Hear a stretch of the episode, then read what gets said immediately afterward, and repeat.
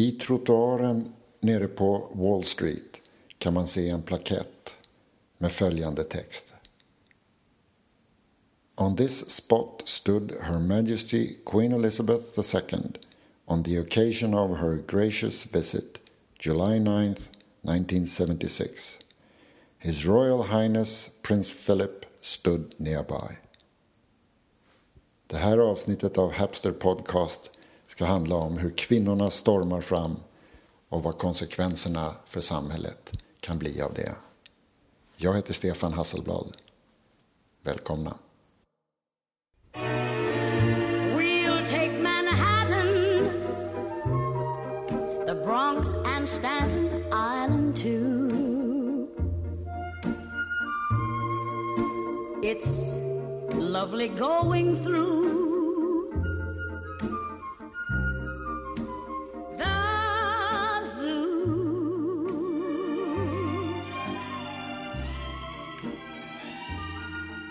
Drottning Elizabeth är en föregångare som stark kvinnlig ledare. Och det vi ser idag är de unga kvinnorna som stormar fram på alla fronter. Både hemma i Sverige och inte minst här i New York. If I can make it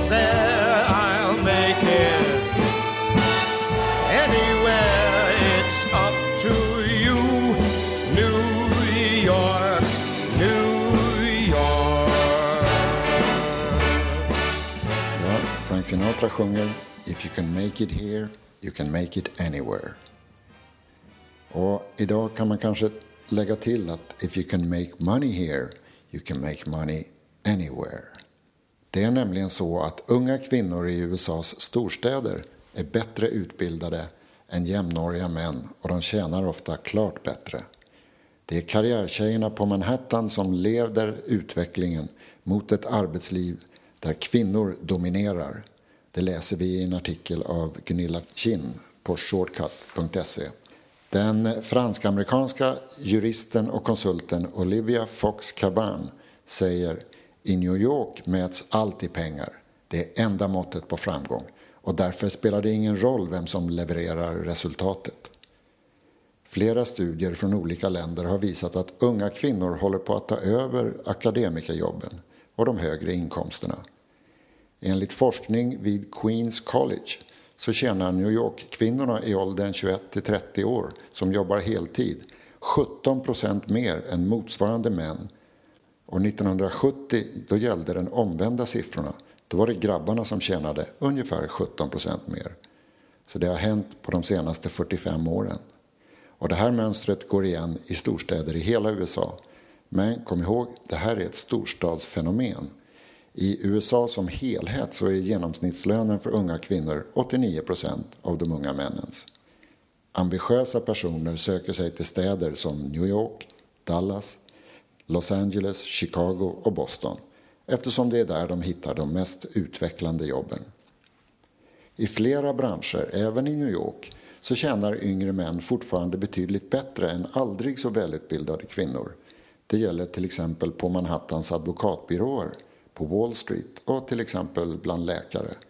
Men kvinnliga formgivare, författare och sekreterare tjänar mer än männen även i den stora åldersgruppen 25 till 64 år. Och trenden är att kvinnor närmar sig eller går om männen allt mer för varje årskull.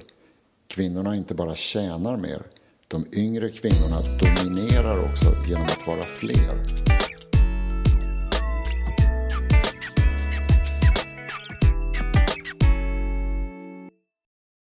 På DN Ekonomi läste jag den 21 juni i år, 2017, att i Sverige så fortsätter löneskillnaderna mellan män och kvinnor att minska.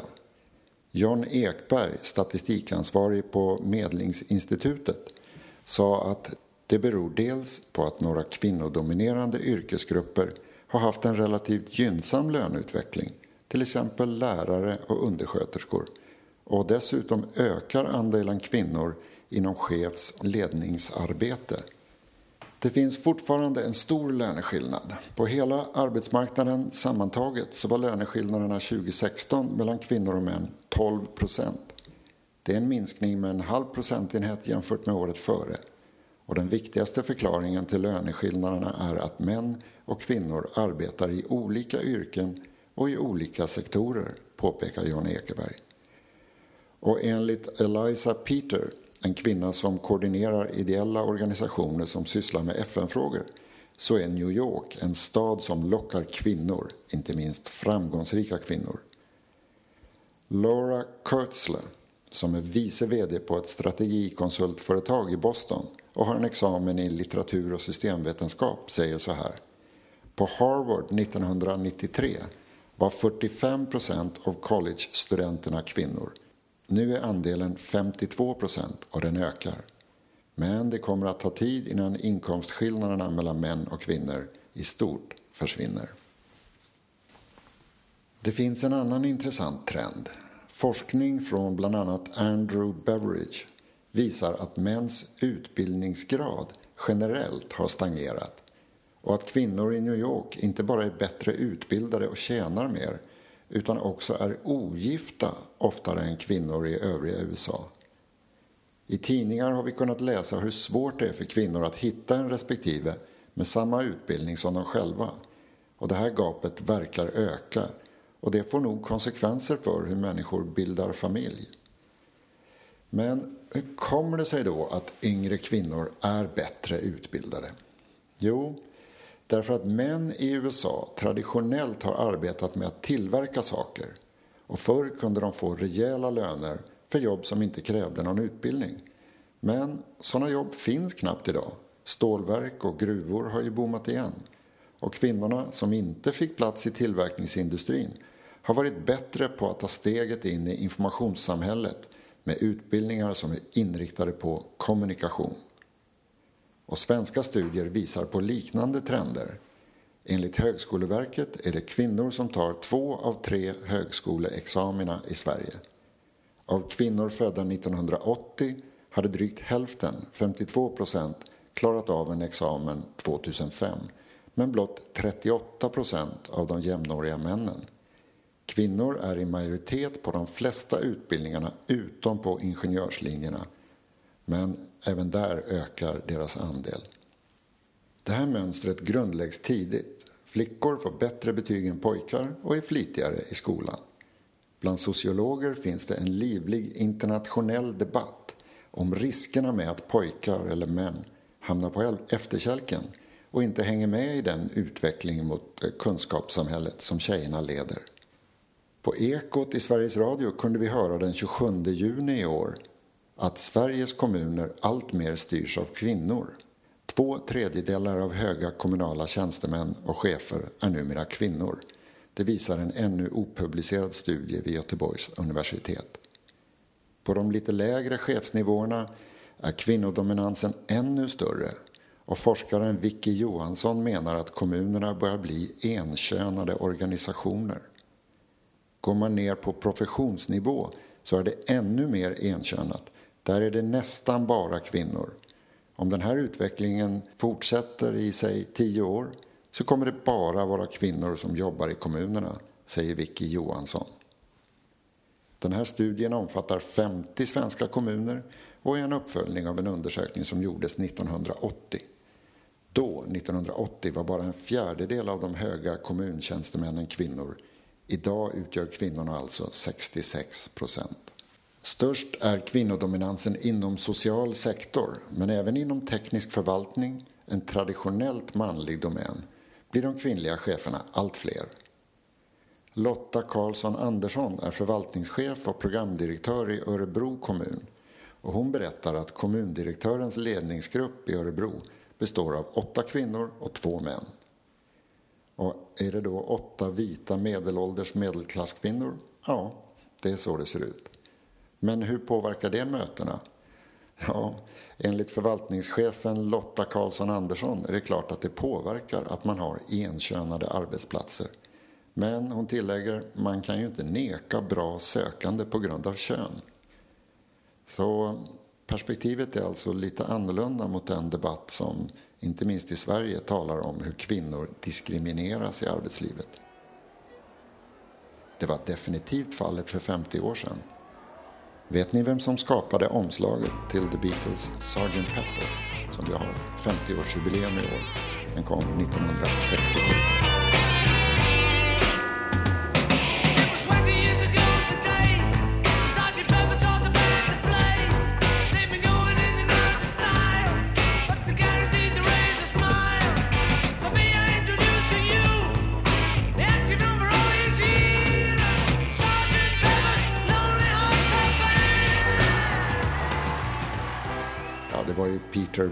Säger ni kanske, om ni är lite insatta. Ja, det är ju vad vi har lärt oss. Men det visar sig som så ofta att även här fanns det en kvinna i bakgrunden. Nämligen hans dåvarande hustru Jan Haworth.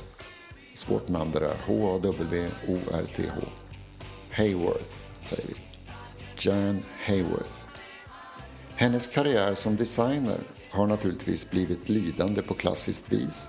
Hon prioriterade familjen och redan när hon sökte till Londons Slade Art School frågade hon sin handledare om han ville se hennes arbetsprover. Och han svarade Well, we don't look at the portfolios of the female students. We just look at their photographs, cause they're here to keep the boys happy. Ja, ni hör ju. Det här är några decennier sedan, som tur är. Åter till Sgt. Pepper-omslaget. Det var alltså Jan som föreslog att de skulle bygga upp en miljö med Beatles i 3D och resten i 2D. Istället för som maken Peter Blake tyckte, bara ett collage. Och även blommorna var hennes idé. Hon föreslog att de skulle skriva Beatles med blommor istället för med text nederst på omslaget. Och maken Peter är sedan dess den som har blivit känd för att skapa detta ikoniska, klassiska skivomslag.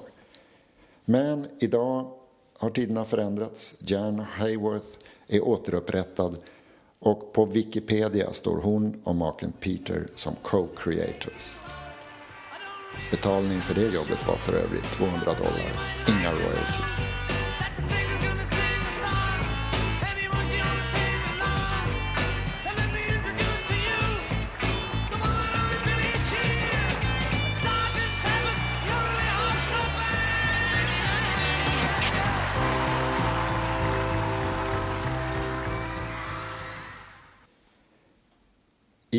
Boston så driver Diane Danielson nätverket Downtown Women's Club. Och hon ser även trender som gör det enklare för kvinnor att ta sig fram idag. Förr tvingades kvinnorna välja mellan jobb och familj. Inte minst som jag tidigare nämnde med Jan och Sgt. Pepper-omslaget. Men nu är det mycket lättare att jobba hemifrån. Unga mammor blir företagare för att få bestämma själva över sin tid. 34-åriga Jenny Ljungberg flyttade till USA för att ta en MBA och för att förverkliga sin idé om att driva hotell i New York. Och nu är hon nybliven ägare av ett sånt ute på Long Island. Jag gillar verkligen att jobba, säger hon. Och är man driven kan man komma hur långt som helst här. Jenny Ljungberg gissar dock att det tar ett par generationer innan kvinnorna kommer ikapp männen på allvar. Men jag undrar jag. Jag tycker det verkar gå mycket snabbare.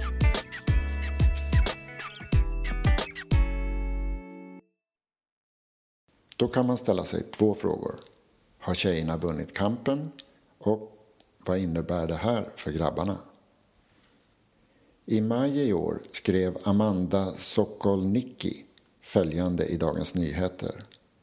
Kvinnokampen är inte på något sätt över, men den behöver få sällskap. Pojkar och unga män halkar idag efter på ett sätt som riskerar att få förödande konsekvenser. Män är inte bara VD, presidenter och författargenier. De är också framtidens fattigpensionärer. Så här skriver Amanda Sokolnicki i Dagens Nyheter. För den som vill lyfta fram mäns utsatthet är det svårt att skapa en stark berättelse. Beskrivningen av den patriarkala världen säger ju att män som grupp är överordnad kvinnor. Men det är ett stort misstag. Visst dominerar fortfarande män på mer eller mindre varje viktig position i samhället. Men de dominerar också i botten. Män är inte bara vd, presidenter och författargenier. De är också framtidens fattigpensionärer, det svaga könet. Emma Leinses visar i sin bok Fördel kvinna, den tysta utbildningsrevolutionen, att vi inte har hängt med. Medan vi har glatt oss åt kvinnors framsteg har oron för männen som samtidigt förlorar mark uteblivit. Hon radar upp statistik tills det inte går att väja. En stor grupp pojkar håller på att växa upp till män utan framtidsutsikter.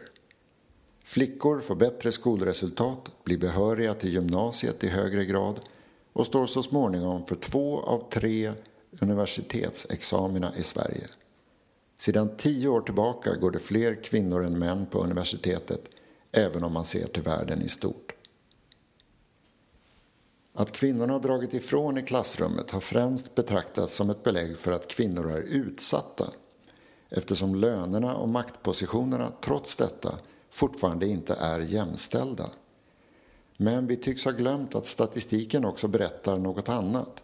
Pojkarna håller på att halka efter, rejält. Och Sverige sticker ut. I PISA lågpresterar var femte svensk pojke i alla ämnen jämfört med var tionde flicka.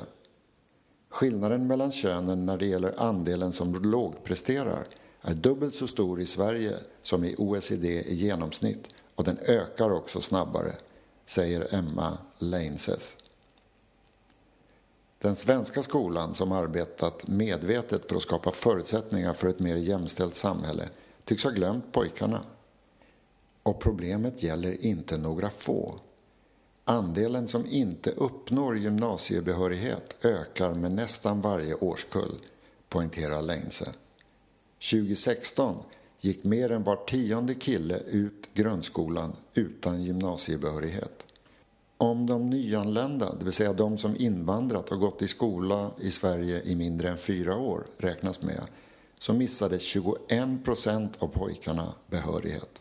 Var femte pojke saknar alltså behörighet att gå vidare. Var femte man kommer att möta en arbetsmarknad som kräver högre kvalifikationer än vad han har att erbjuda. Och vad blir konsekvenserna av det? Ja, återigen vänder sig Leinse till statistiken. Mer än en tredjedel av de lågutbildade i Sverige saknar jobb. Var fjärde blir långtidsarbetslös. Nästan hälften av de lågutbildade unga har aldrig haft ett jobb.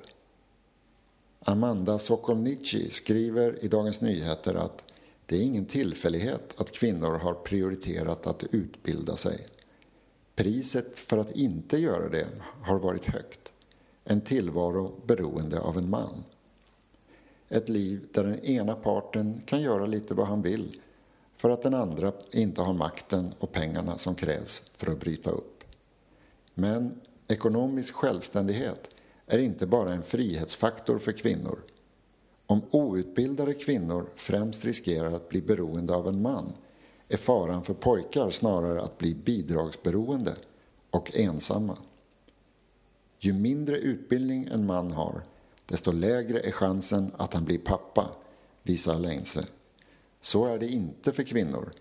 Den här gruppen män riskerar alltså att stå utan både egen försörjning och familj.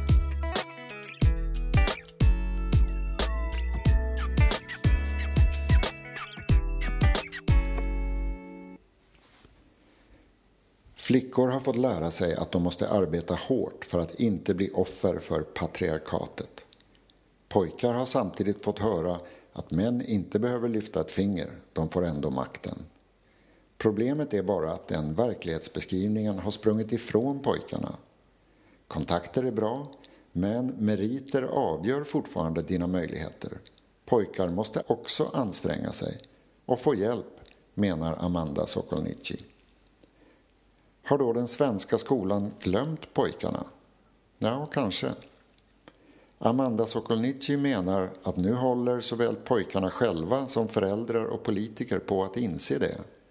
Och kanske kommer det faktum att en stor del av pojkarnas tapp beror på att de inte kan läsa tillräckligt bra att uppmärksammas mer. Ja, ska man förändra något så är första steget oftast att konstatera att det är ett stort problem. Har vi, har vi då gjort det? Amanda Sokolnici refererar till en lärare som förklarar att det inte var mer än rätt att pojkar hamnar efter i skolan nu. Flickor har ändå fått stå tillbaka så länge i det här landet. Dagens pojkar ansågs på något sätt ha ett kollektivt ansvar för tidiga generationers fördelar. Och kanske ligger just det synsättet till grund för att de alarmerande uppgifter som Emma Leinse lyfter fram inte har blivit en större politisk fråga.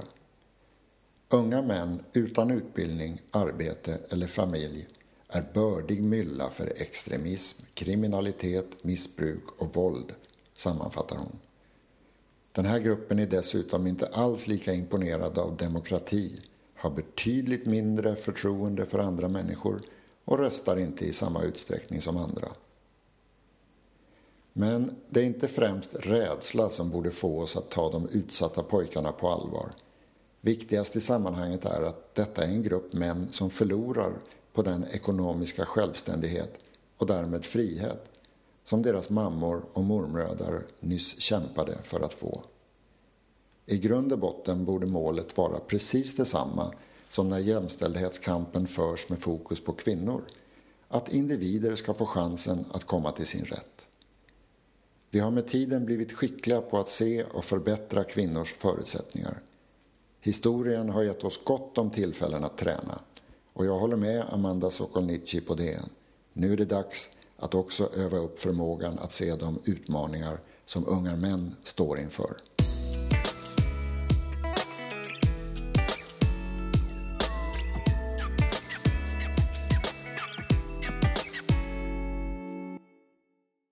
Frukost äter man här på Manhattan, gärna i kvarterets mysiga café med soffor och läderfåtöljer. Både unga män och kvinnor kan ses här på morgonen på väg till sitt arbete. Men nog är det en övervikt av kvinnor vi ser.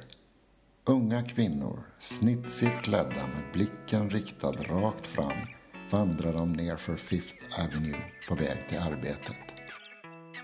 Att gå här på Manhattan idag det är som att blicka in i framtiden.